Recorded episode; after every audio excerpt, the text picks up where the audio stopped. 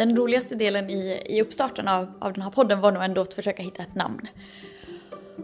Och jag önskar ibland att jag hade fått den, eh, den delen utav eh, arvet som min lilla syster har fått för hon är så sjukt snabbtänkt och har jättemycket roliga namnförslag och så och jag känner att jag, där, där är jag inte i mitt, eh, i mitt esse så att säga.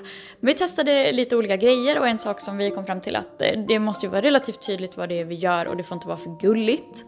Hade några bra förslag, typ två små apor. Skitkul men vem lyssnar på en podd som heter Två små apor? Kanske någon klättrare som råkar hitta den men framförallt barnfamiljer.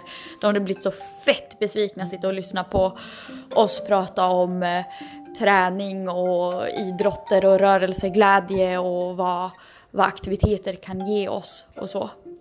Um, hade också ett förslag som, som fastnade med mig som, som ni kommer höra lite, kanske återkomma lite då och då och det var då käften och terapeuten.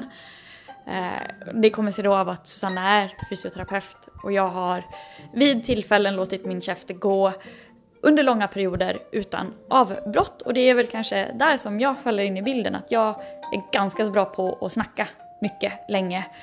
Inte alltid sammanhängande, ibland en hel del skit också. Men, eh, men jag tänker att eh, kombinationen Susanna och jag kommer bli rätt så, rätt så okej okay ändå faktiskt.